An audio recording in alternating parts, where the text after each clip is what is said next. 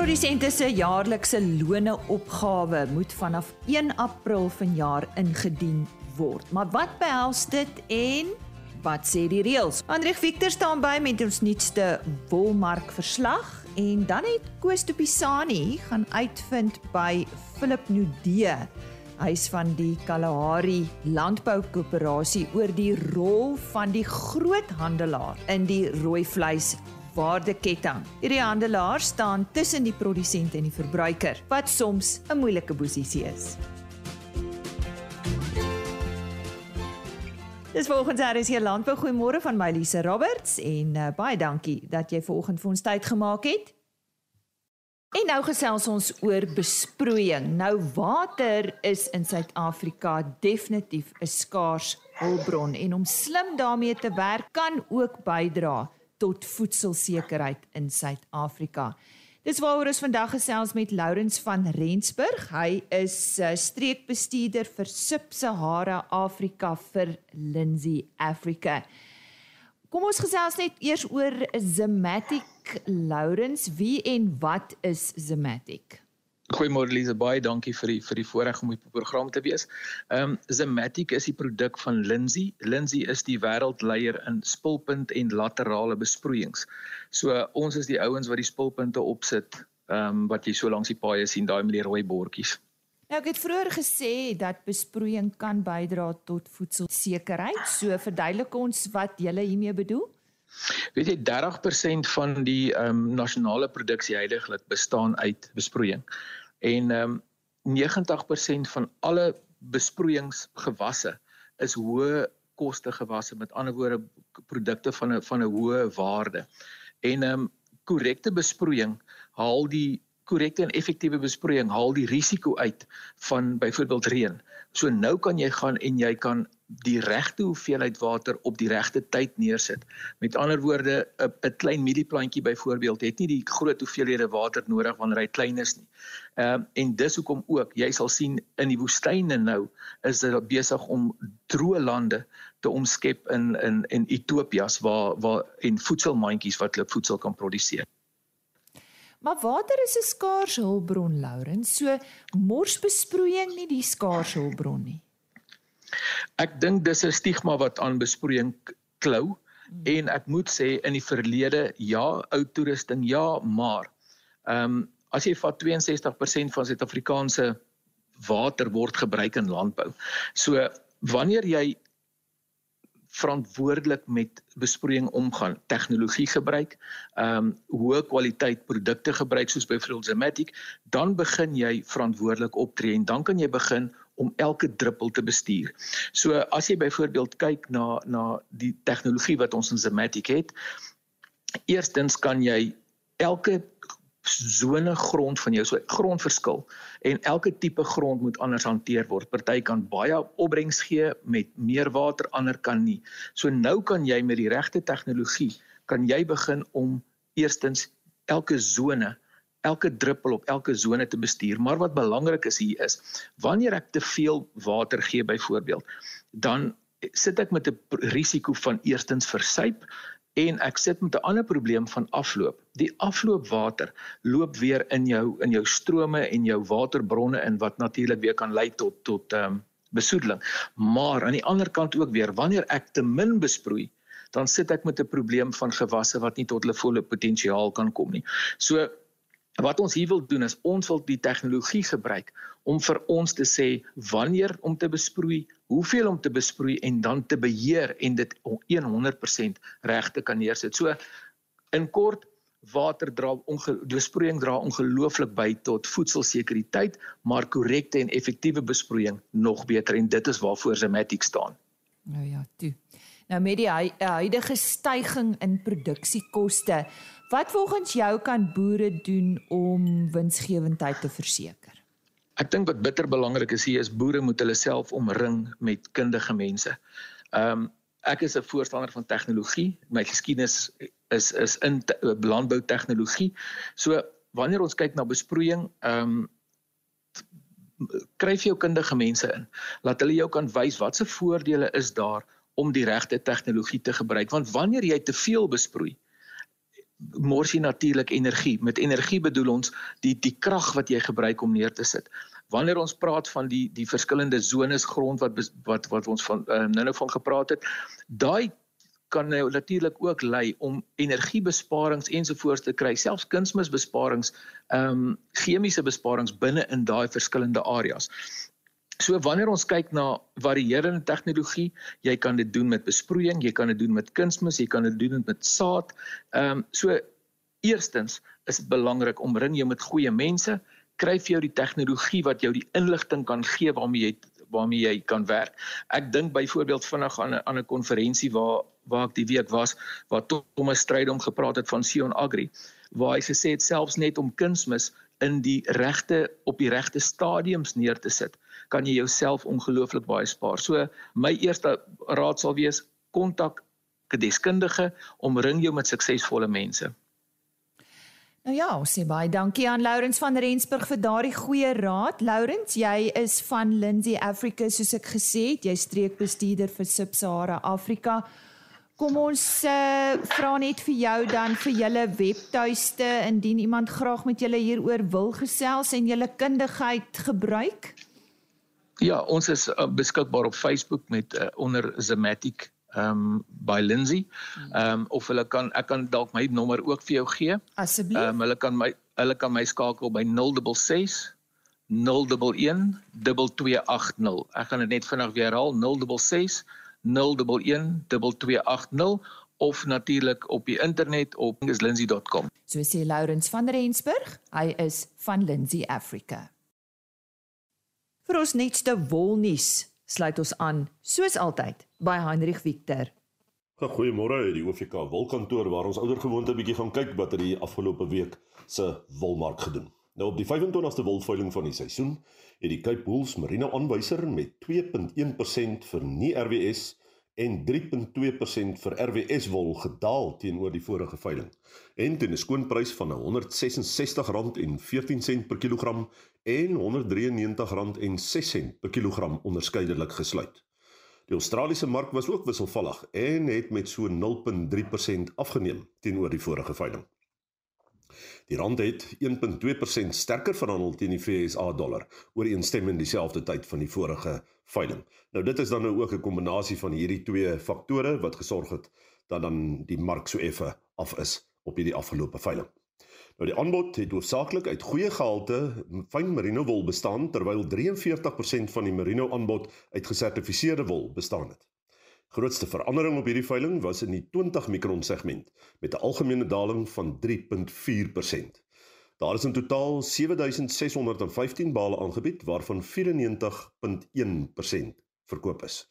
Nou die grootste kopers op die veiling was Modiano SA, Standard Wool, Lempriere SA en Tianyu SA. En dan die gemiddelde skoonwolpryse vir die seleksie binne die verskillende mikron kategorieë goeie lang kamwol MF5 tipes was soos volg. En soos gewoonlik onderskei ons weer tussen nie RWS gesertifiseerde en dan nou RWS wol. 17.5 mikron begin ons hierdie keer mee. Nie RWS wol verkoop teen R246.67 per kilogram. RWS wol verhandel teen R282.48 per kilogram wat 'n verskil is van so 14.5%. 18 mikron. Nie RWS wol verhandel teen R238.70 per kilogram, RWS R267.27 per kilogram met 'n verskil van 12%. 18.5 mikron. Nie RWS wol R213.32 per kilogram, RWS wol R242.21 per kilogram met 'n verskil van 13.5%. Dan 19 mikron nie RWS wol R185.81 per kilogram, RWS wol R226.24 per kilogram met 'n verskil van 21.8%. 19.5 mikron nie RWS wol R169.80 per kilogram RWS wol R208.69 per kilogram met 'n verskil van 22.9%. 20 mikron nie RWS wol R162.05 per kilogram en RWS wol R196.18 per kilogram met 'n verskil van 21%.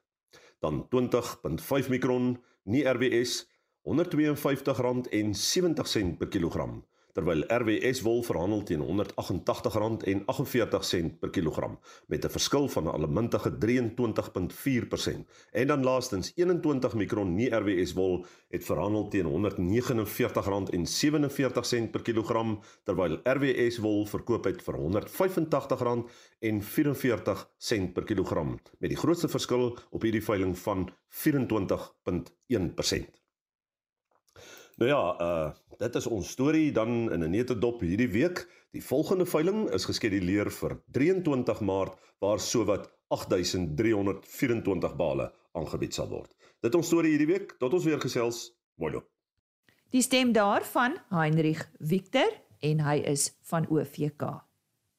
In die rooi vleisbedryf moet groothandelaars dikwels bond staan om produsente gelukkig te hou met die regte prys En die volgende oomblik moet hulle weer vure doodslaan omdat die kleinhandelaars voel hulle betaal te veel vir karkasse en intussen eis die verbruikers ook om 'n beter prys vir kwaliteit vleis. Dit is nie maklik om al hierdie balle in die lug te hou nie. Kosto Pisani het by Philip Nudee van die Kalahari Landboukoöperasie gaan uitvind waar staan grootkandelaars in die rooi vleisbedryf en wat hy verwag aan die toekoms vir hulle inhou. 'n Groot aandelaars in die rooi vleisbedryf staan altyd tussen twee pole. En dis 'n warm stoel om in te sit. Dis nie enige man wat dit kan doen nie. Nou Philip Nudee, uh, hy is die bestuurder van vleis en verwante bedrywe van KLK. En uh, ek gesels met hom oor die stand van uh, sake vir die groot handelaars. Philip, die groot handelaar staan altyd tussen die produsent en die verbruiker. Hoe lyk die groot handelaar se posisie in terme van skaapvleis? Ehm um, ja, baie dankie. Ehm um, Die skaapvleismark in Suid-Afrika is onder druk. Ehm um, daar's verskeie redes daarvoor. Ehm um, die afgelope 2 jaar se COVID het dink ek 'n baie groter effek gehad as wat ons wil hoor. Ehm um, skaapvleis is ongelukkig die duurste proteïen. Alhoewel die die kudde getalle laag is, bly hy bly die mark onder druk, druk want ehm um, my opinie is daar's 'n daar's 'n groot gedeelte skaapeters ehm um, wat dit heidaglik nie meer kan bekostig nie. Wat gesak het na bees uit die aard van die saak hoender vark. Die groot manne by die ehm um, Checkers en Pick n Pay en daai manne beamoen dat dat daai daai proteïene se se aanvraag 40% gestyg het. En lammenskaap se aanvraag het 25% gedaal in sy rakspasie. So en dit dit is die realiteit. Jy weet, dit is die realiteit. 'n Produsent bly maar altyd 'n prysnemer. Gaan dit altyd so wees of is daar maniere hoe 'n produsent eerder 'n prysmaker kan begin word? Ja. Die produsent sal altyd 'n prysnemer bly as hy nie betrokke raak uh by die ketting vorentoe nie, uh, by jou slagplaas of by jou jou retailmarkte voor. Jou slagpaal is um beheer die pryse, jy weet uh na gelang wat hulle uit die mark uit kan haal voor. So as die as die produsent se belang by die plaas ek stop, dan gaan hy altyd 'n prysnemer bly. Jy weet, ehm um, dit is ongelukkig so. Dink jy daar is op hierdie stadium te veel abattoirs of is daar ja. te min abattoirs? Ja. Ehm ja. um, hoe lyk die die uh, aanbod van die van van uh, uh, skaapvleis en hoe lyk die uh uh, uh vraag na skaapvleis? Ja daar's totaal en al te veel abattoirs. Ehm um, daar's 'n oorslagkapasiteit van ag ek reken 100% heidaglik as jy jou kudde getalle vat en wat in die land verslag word en dan jou ander invloede jou lewendige uitvoere. Jy weet Okay, Elma Wash speel nie nou 'n rol nie, maar daar's ook lewendige uitvoere na Mauritius en daai tipe van plekke toe. So, ehm um, daar is totaal te veel abattoirs. Dit kom al oor 'n 30, 40 jaar periode maar almal byt vas, jy weet. En dit veroorsaak benoude spronge. Jy weet dit dit veroorsaak dat hulle te veel vir die produk moet betaal om die produk te bekom as gevolg van die vreeslike kompetisie om hulle. So jy sê daar ons het 'n uh, groot genoeg hoeveelheid uh, skape in in die land. Ek bedoel ja. uh, daar daar's nie 'n probleem daar rondom nie. Ehm um, ja, as ska uh, jy praat vir selfvoorsienendheid in ja. Suid-Afrika. Ja. Ehm um, kyk ons is net toe invoerders van skaap. Daar kom wel in 'n sekere mark uh, invoerproduk, jy weet, skaapvleis van Australië en daai, maar dit is ook meer geskonde op jou laerkoste mark, maar ehm um, oorslagkapasiteit definitief skaap om ons behoeftes te voorsien is daar genoeg. Ons het vir die kanse behoeftes te voorsien. Hoe dink jy gaan die skaapvleisbedryf lyk in die volgende kom ons sê 2 jaar of 5 jaar ja. vir beide die produsent en die verbruiker? Wat die rolspelers aanbetref, um, ek praat fisies van jou abattoirs. Dink ek gaan van die rolspelers verdwyn binne die volgende 2 tot 5 jaar definitief. Ons het al lank in die verlede gesê maar dit gaan gebeur, dit gebeur nie. Van KALKA se oogpunt af is daar baie van die kleiner rolspelers wat ons genader het vir samewerking of oorkoop van die abattoir want die manne is in die moeilikheid hulle is op druk nee. So ek dink van jou groot rolspelers gaan groter word en van jou klein rolspelers gaan dood eenvoudig verdwyn. Dit was uh, Philip Ndee wat so gesê het. Uh, ek is Koos de Pisani vir RC Landbou in die Noord-Kaap. Dis weer die tyd van die jaar dat produsente al jaarlikse loone opgawe aan die vergoedingsfonds moet voorsien om die rekening betaalbaar te bereken. Nou ek praat vandag met Steven Petersen van die Work Accident Support oor hierdie jaarlikse loone opgawe in detail wat produsente moet verklaar en dis natuurlik aan die departement van indiensneming en arbeid se vergoedingsfonds. Steven, goeiemôre. Dankie dat jy weer deel is van ons program. Wat behels hierdie loone opgawe presies? Uh goeiedag. Ja, hierdie loone opgawe, dit is 'n voorgeskrewe vorm wat uh jaarliks deur alle produsente voltooi moet word waar hulle verklaar wat die loone is wat hulle uitbetaal het aan hulle werkers vir 'n spesifieke jaar.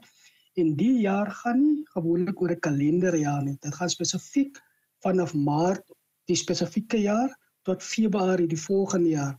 En heidaglik die huidige jaar waarvan ons praat is vanaf 1 Maart 2021 tot en met Februarie hierdie jaar 2022 en dit is natuurlik die 2021 loonopgawe. En soos gemeld het, dit is nie 'n kalenderjaar nie. Die spesifieke tydperk is gebaseer op die vergoedingsfonds se finansiële jaar.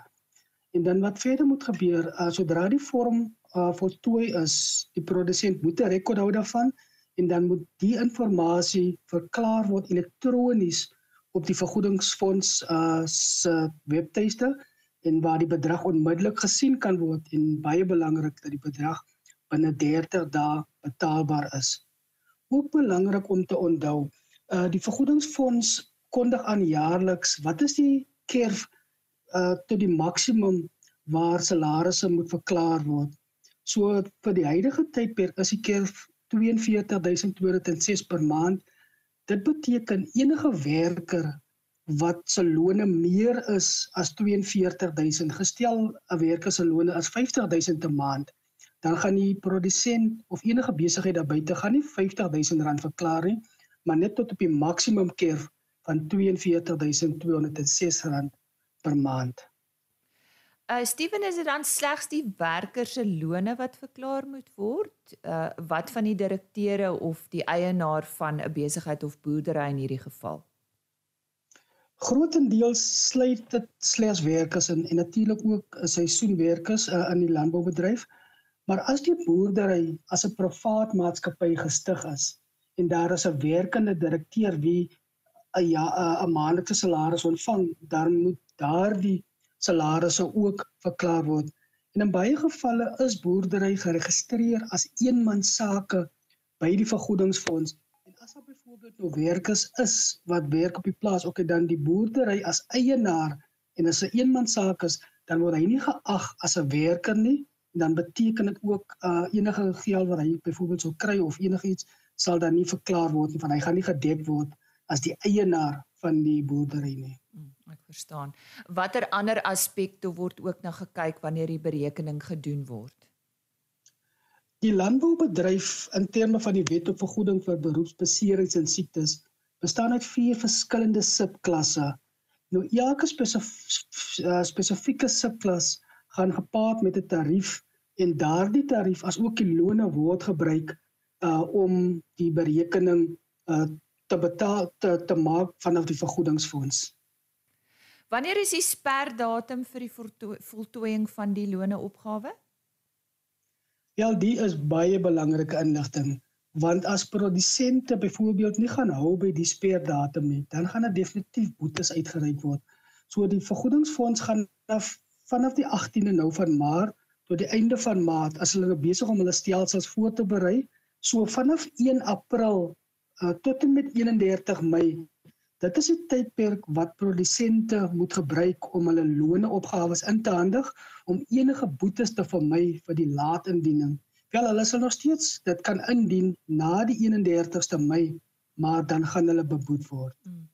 So wat gebeur as die loone nie verklaar word nie of dalk laat verklaar was? OK, soos ek nog gemeld het, uh, daar gaan 'n boete is en die boete gaan baseer wees op 10% van die loone uh die 2021 loone wat die produsent verklaar. Dit beteken as 'n produsent vir die vergoedingsfonds sê, "Wel, ek het 'n miljoen rand vir my mense betaal vanaf verlede jaar tot en met nou einde Februarie, dan beteken dit 10% van miljoen rand gaan uh die produsent 'n boete opkry en ek meen soos ons kan sien, dit gaan 'n aardige bedrag wees en dit bemoedig enige produsent daar buite om solank hulle papiere agter mekaar te kry as ook uh dan byvoorbeeld sodra die stelsel oopgaan vanaf 1 April om dit onmiddellik byvoorbeeld in te handig. En ek sal ook voorstel dat enige besigheid daar buite nie wag sê tot aan die einde van Mei om dit te verklaar nie want aan die einde van Mei gaan daar soveel druk op die stelsel wees en dan baie keer gaan uh besighede nie toegang kan kry tot op die stelsel alhoewel dit nog oop is nie en dan dan kan dit daartoe lei dat hulle byvoorbeeld nie in staat is om hulle loonopgawes in te handig nie. En buite die boete wat die fonds ook gaan bereken vir die laat indiening. Hulle gaan ook definitief 'n boete bereken vir die nie indiening uh van van die loone opgawe en en wat verder ook kan gebeur. Die fonds kan hulle eie vooruitskatting maak. Wat beteken die produsent kan baie meer betaal as wat hy sy eie loone verklaar het. Ek en en en die 'n voorbeeld hiervan byvoorbeeld uh, as gevolg van COVID was baie mense ongelukkig afgelê van hulle werk af wat beteken die loone wat produsente uitbetaal het minder geraak. So die vergoedingsfonds wanneer hulle vooruitskatting sal doen, sal hulle nie weet van daai scenario byvoorbeeld nie en natuurlik gaan hulle nou baseer op vorige jaar se loone en dan gaan die produsent baie meer moet betaal as wat as hy nie sy eie loonopgawes inhandig nie. Nou goed, dis dan meer oor die opgawe, maar wat gebeur as die produsent nie die rekening binne 30 dae betaal nie? Wel en hier gaan 'n addisionele 10% uh op die volle rekening betaalbaar gaan dit gaan hier bereken word. So as die produsent byvoorbeeld as hy vandag sy loone opgawe so inhandig, dan het hy 30 dae kans vanaf vandag. So as hy dit nie binne die 30 dae betaal nie, dan is dit addisionele 10%. Steven as 'n produsent nou byvoorbeeld uh nie die volle bedrag kan betaal nie, is daar enige reëlings wat hulle kan tref met die vergoedingsfonds? Ja, en dit is hier waar die vergoedingsfonds wel enige produsente gemoed kan kom. So as enige produsent nie sy rekening kan betaal nie, het hy 'n opsie om aansoek te doen vir 'n afbetalingsreëling mits hy 20% van die volle uitstaande bedrag betaal soos op daai stadium en dan kan hy nou aansoek doen en ook dan 'n bewys lewer van die betaling om die balans van die rekening oor 'n tydperk tot en met Februarie volgende jaar om dit af te betaal. So dan gaan daar nou nie enige boetes byvoorbeeld opkom nie, maar die die die die die fonds gaan byvoorbeeld rente bereken omdat dan nou 'n afbetalingsreëling nou getref gaan word. So dit is baie belangrik dat die produsent aan indien die ooreenkoms goedgekeur is, dat die produsent moet hou by die ooreenkoms, want as hulle byvoorbeeld vir 'n maand nie gaan betaal nie, dan gaan die dan gaan die ooreenkoms gekanselleer word deur die fonds en dan gaan daar verwag word van die produsent om die volle bedrag onmiddellik te betaal. En dan ook baie belangrik sodra die rekening afbetaal is of die volle bedrag is betaal gaan 'n brief van goeie stand uitgereik word deur die vergoedingsfonds. En die produsente moet net onthou van alles wat hulle doen byvoorbeeld die loneopgawes die vorm die rekening die bewys van die betaling as ook die brief van goeie stand hulle moet rekords hou daarvan van as hulle ooit 'n inspeksie sou kry van 'n inspekteur van die departement en dan dit is van die dokumentasie wat die uh, inspekteur sal aanvra as bewys. Steven baie dankie vir al hierdie inligting, nogal heelwat 'n mond vol en soos ek hoor baie belangrik dat uh, hierdie reëls nagekom word. Indien daar van die produsente is wat luister wat graag met jou wil gesels, uh, wat staan hulle te doen? Ja, hulle kan my kontak op 'n paar verskillende maniere. Uh, my e-posadres is support@workaccident.co.za Hmm. of hulle kan my kontak uh, skakel of WhatsApp hmm. by 064 360 2638. Herhaal net vir ons daardie nommer. Die telefoonnommer is 064 360 2638. En so sê Steven Petersen van Work Accident Support wat vandag met ons gesels het en uh Ek herhaal net sy e-posadres ook. Dit is